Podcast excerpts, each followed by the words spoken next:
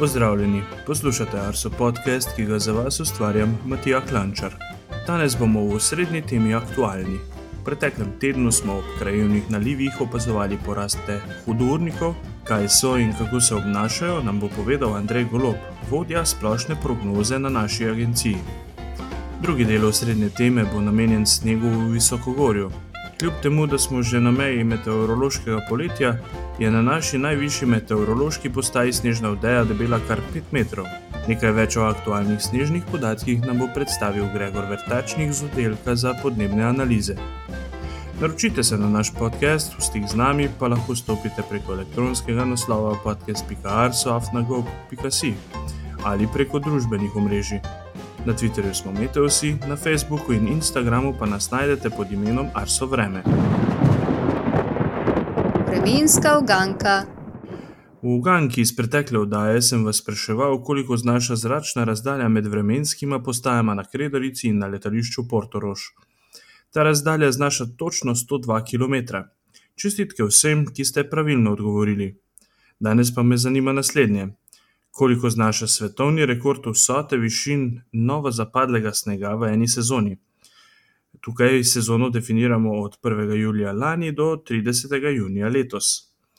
Odgovore napustite v komentarjih na Facebooku, na Instagramu in na Twitterju, ali pa nam jih pošljite po elektronskem naslovu podcast.arsofna.go.si.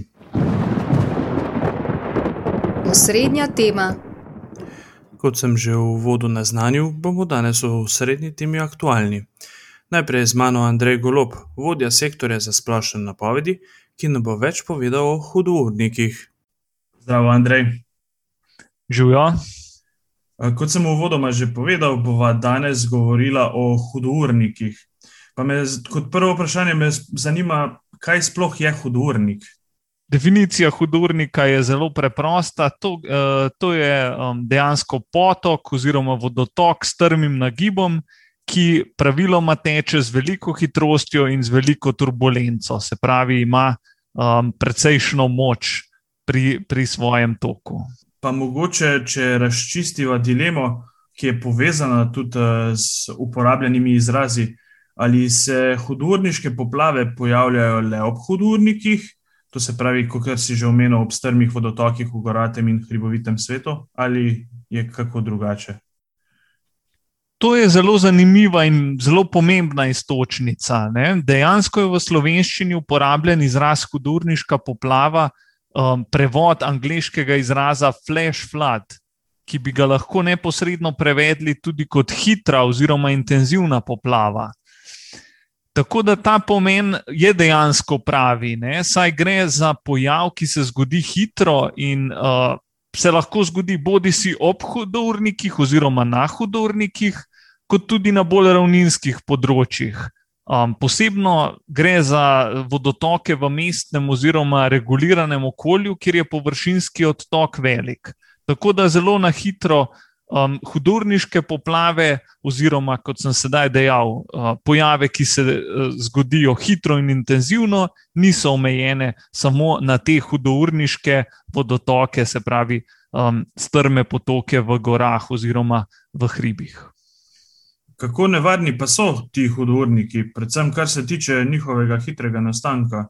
Uh, večina ljudi se verjetno sploh ne zaveda, da narastejo lahko zelo, zelo hitro.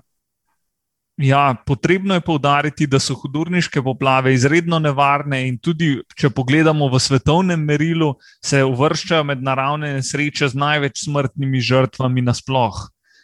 Um, med ta tip poplav, seveda, štejemo dogodke ob rekah, uh, potokih, kot tudi ob sprva suhih strugah. To je predvsem značilno drugot po svetu, bolj kot pri nas. Uh, se pravi, da tudi suhe struge po zelo intenzivnih padavinah lahko uh, voda v njih zelo hitro oziroma silovito naraste v obdobju tudi nekaj deset minut ali pa do nekaj ur.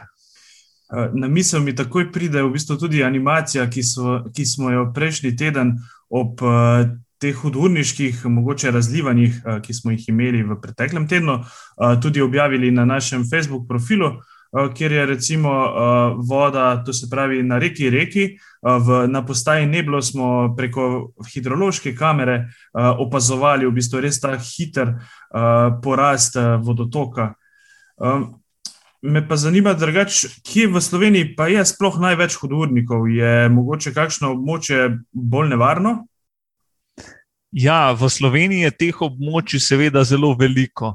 Glede na velik delež gorskega in hribovitega sveta v Sloveniji, velja po nekaterih ocenah strokovnjakov tudi slaba četrtina celotne površine Slovenije za hudurniška območja. Um, seveda pa se ta območja oziroma ta zaledja um, med seboj razlikujejo. Um, ni vsak v bistvu hudurniški vodotok, nima nekih značilnosti izpostavljenih območij, kjer bi se voda po naglem uh, porastu tudi razlivala. Ne? Nekod, ponekod se uh, je v, samem, v sami strugi. Um, V naravi dovolj prostora, tako da ta voda nemoteno odteče, um, ponekod, kjer pa je tudi lahko um, prisoten, a ne bil, oziroma je človeški vpliv, oziroma določene spremembe v prostoru, pa, pa um, so seveda nastala bolj izpostavljena območja, kjer pa potem ta voda um, ob prihodu, recimo na ravninski del, um, se razlije ne, in lahko povzroči, povzroči tudi večjo nevarnost. Čist, e, mogoče eno pod vprašanje. V preteklem tednu sem tudi opazil, na, pač preko spremljanja naših domžalskih profilov, Eh, da so naši domžalčani omenili, da je Kamniška bistrica naj, največji hudournik v Sloveniji. Je to res? Um, ja, lahko bi, lahko bi tako rekli.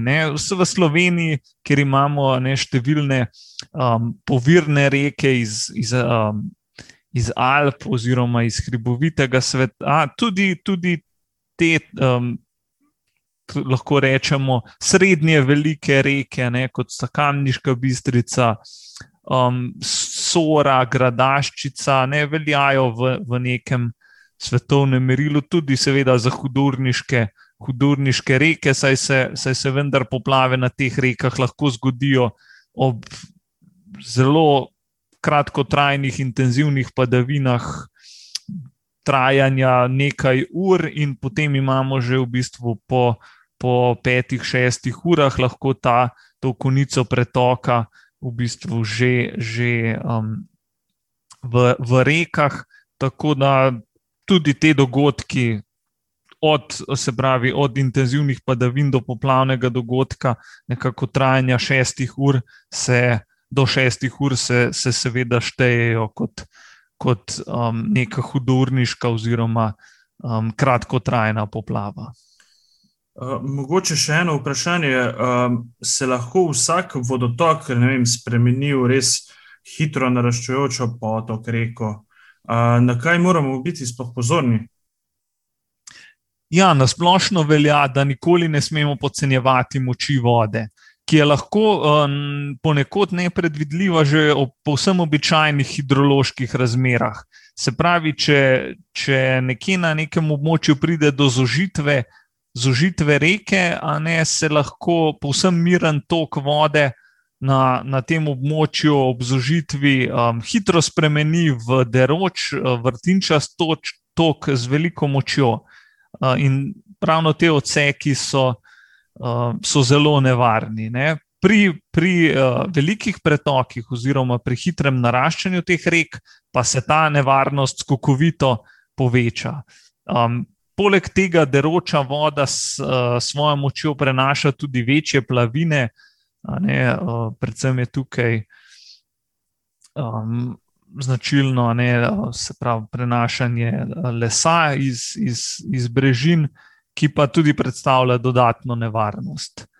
Um, Druga značilnost je sama izpostavljenost uh, ljudi. Ne? Predvsem spomladi in poleti se uh, se več časa zadržujemo v naravi, radi smo v bližini vode, uh, in pa ravno tam moramo biti pozorni na hitre spremembe vremena, na pojave neviht. ki so lahko zelo krajevno omejene, lahko se zgodijo nekoliko um, stran od območja, kjer se mi nahajamo, se pravi, smo, smo, uh, ostajamo mi na nekakšnem suhem območju, nekaj kilometrov stran, pa lahko uh, nek močan naliv že pojav, uh, povzroči pojav um, naraščanja hudurnika oziroma vodotoka, ob katerem smo v tem trenutku. Um, posebej, če gre to za neka oska, uh, se pravi, oske reč, uh, rečne struge oziroma soteske, kjer voda nima razlivnega uh, prostora, ne, je lahko ta, uh, za, za ta kratek čas to precej nevarno območje, um, ki, ga, ki ga je takrat treba zapustiti oziroma se omakniti na varno.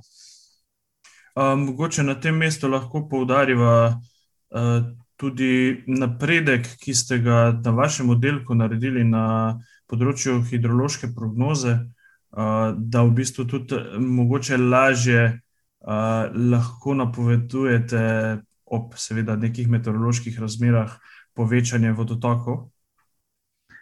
Um, ja, predvsem pri, pri um, ozaveščanju oziroma opozarjanju javnosti ne, smo, smo ravno v ta namen uh, nekako v naših hidroloških eh, dnevnih poročilih ločili ta dva pojava, hudorniških poplav in pa, um, in pa poplav v vodotokih, tako da tudi v bistvu um, ljudje in druge strokovne službe nekako vejo, kakšen tip, tip poplave lahko. Pričakujejo. Je pa res, da so um, hudurniške poplave, lok, uh, se pravi, krajevno zelo težko, oziroma uh, um, ne mogoče zelo natančno uh, napovedljive.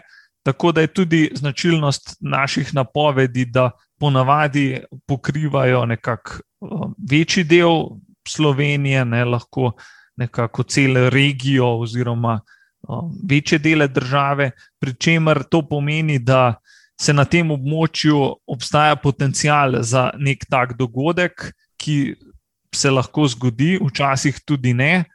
Um, res pa je treba povedati, da tudi ko se zgodi, ne, je lahko to um, v bistvu samo na območju nekega manjšega porečja, neke doline, grape, um, se pravi, prizadane, prizadane manjši del nekega večjega območja.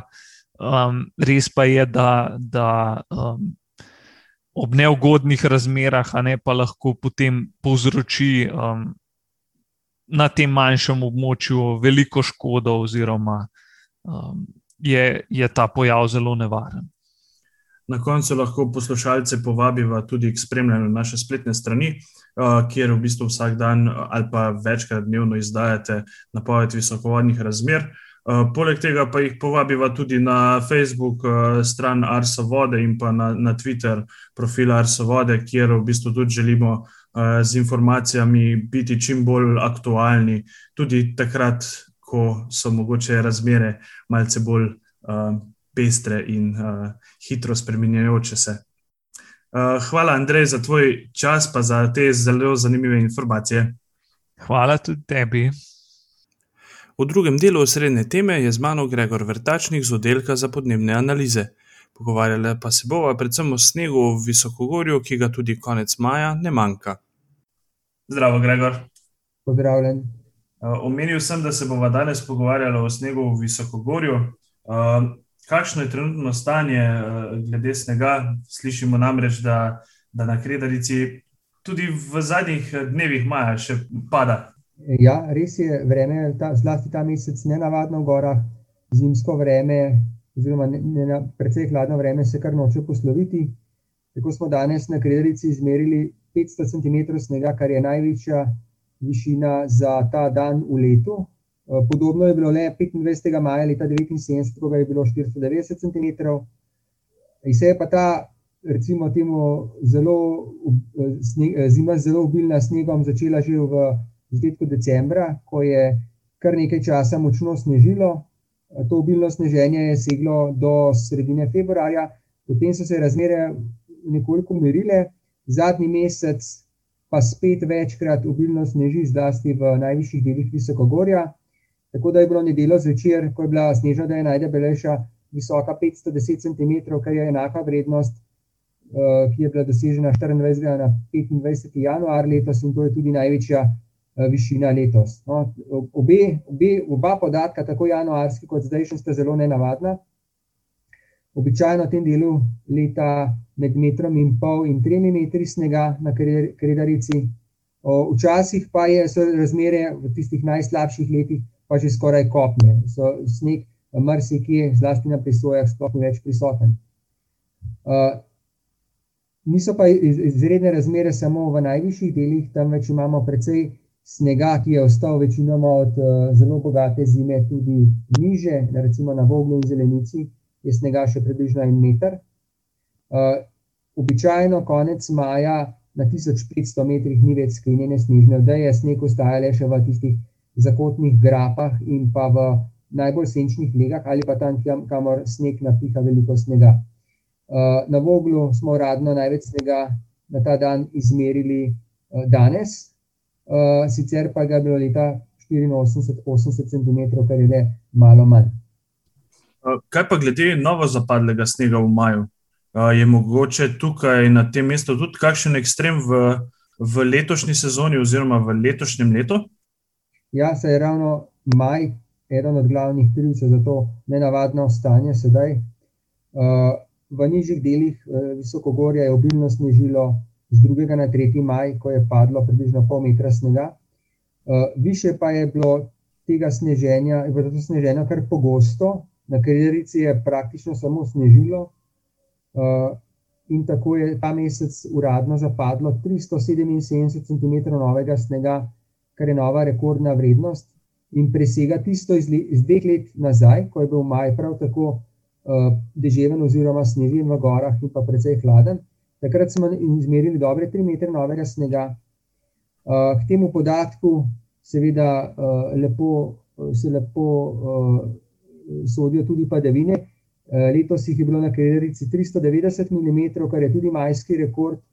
Običajno maja pade tam okrog 170 mm padavin, večinoma še snega. No, in ker je bilo letos toliko novega snega na že prej debelo snežno podejo, pa seveda ne preseneča, da imamo sedaj kar 5 metrov snega. Kakšne so kaj izkušnje glede uh, tega, kako se bo ta snežna odeja, ki si jo omenil, recimo na Krederici, uh, kjer je 5 metrov snega, obdržala tudi v prihodnje? Um, ne vem, kako hitro ga lahko pobere, ker pač to je kar zajetna količina snega.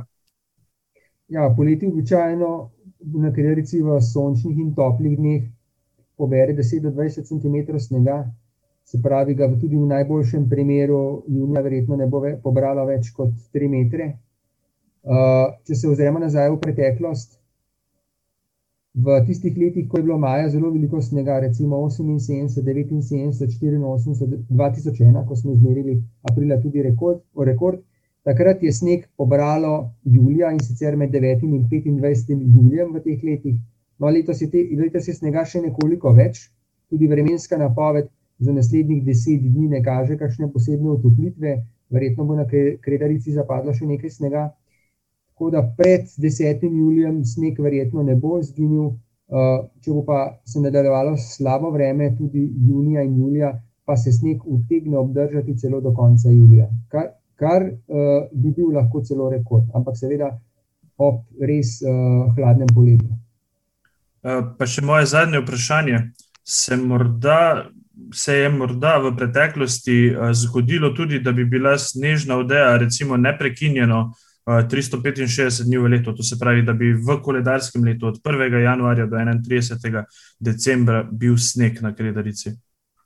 Uh, ne, na Kredarici je poletje vendarle toliko toplo, da pobere v sneg. Uh, v najboljših letih ostane stari sneg samo na, na ledeniku pod Triglavom, pa na nekaterih okoliških območjih, kjer so snežišča. Uh, sicer pa se vsaj do konca julija snežna oddaja uh, stali in je potem avgust večinoma, razen če nekajšnega sneženja, kopen, tudi september je vsaj ponavadi deloma kopen. No, in v najboljših, uh, recimo najbolj zasneženih letih, snežna oddaja leži na Krederici skoraj 300 dni na leto. Le leta 1972 smo imeli več kot 300 dni snegom na Kredarici, takrat je snežna odeja ležala 307 dni. Namreč takrat je sneg eh, pobralo ta odzad, pre, pretekle zime, pobralo julija, avgust je bil večinoma brez, potem je pa že v začetku septembra zapadal nov sneg. Tako da takrat je bilo v resnici, če gledamo kumulativno, samo dva meseca brez snežne odeje na Kredarici. Uh, Gregor, hvala za te zanimive podatke in uh, z veseljem bomo spremljali uh, situacijo v Visokogorju glede snežne vdeje tudi v prihodnjih mesecih. Ja, res je. Hvala tudi tebi za vabilo. Obeti. Danes je vremensko napoved za naslednji dni pripravila Veronika Hladnik za Kotnik. Maj je skoparil sončnimi in suhimi dnevi, deževni dnevi so si vrstili eden za drugim, tudi temperature so bile nekoliko niže od povprečja. Dnevi, ki so pred nami, so nekoliko bolj optimistični, vsaj kar se sonca tiče. Že sreda bo prinesla večinoma sončno vreme, podobno pa bo tudi v preostanku tedna. Vtis vremena bo bolj sončen kot oblačen. Nas pa bo prešla še ena vremenska fronta in sicer noči na petek. Ta bo prinesla padavine predvsem severnemu in vzhodnemu delu Slovenije. Petkov dan bo suh, sobota pa bo spet postregla s plohami in kakšno nevihto, a padavin ne bo veliko. Od nedelje bo verjetno za padavine zmanjšana, napovedi so bolj optimistične in lahko bi končno le imeli nekaj dni suhega vremena. Ker so napovedi še nekoliko negotove, ne spremljajte. Kakšnega mraza v prihodnjih dneh ni za pričakovati, temperature bodo ostale podobne kot so sedaj, jutranje okoli 10 stopinj, najviše dnevne pa okoli 20 stopinj Celzija vremenske zanimivosti. V tokratnih vremenskih zanimivostih si bomo ogledali obdobje od 10. do 23. maja. Kljub temu, da nimamo občutka, da nam je maj postregel z visokimi temperaturami, smo najvišjo temperaturo izmerili na postaji Črnomelj Dubliče.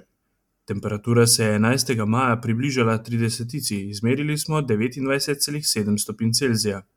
Najnižjo temperaturo smo tudi tokrat izmerili na Kredarici. 19. maja je bilo minus 5,6 stopinj Celzija. Tudi tokrat smo najhitrejši sunek vetra izmerili na naši najvišji meteorološki postaji. 10. maja je pihalo s hitrostjo kar 130 km/h. Največ padavin je padlo 17. maja na Krnu, izmerili smo kar 150 mm padavin. Še podatki o najbolj sončnih postajah. Preteklo 14-dnevno obdobje je bilo približno tako osončeno kot obdobje predtem. Tudi tokrat je največ sončnih ur zbrala postaja v Murski soboti, 84 ur in 48 minut. Največ sonca v enem dnevu pa je prav tako zbrala postaja v Prekmurju. 11. maja je sonce sijalo 13 ur in 56 minut. 62. epizodo smo z vremenskimi zanimivostmi pripeljali do konca. Hvala vam za vse odzive, kritike in poslušanje. Želim vam obilo lepega vremena in se slišimo čez 14 dni.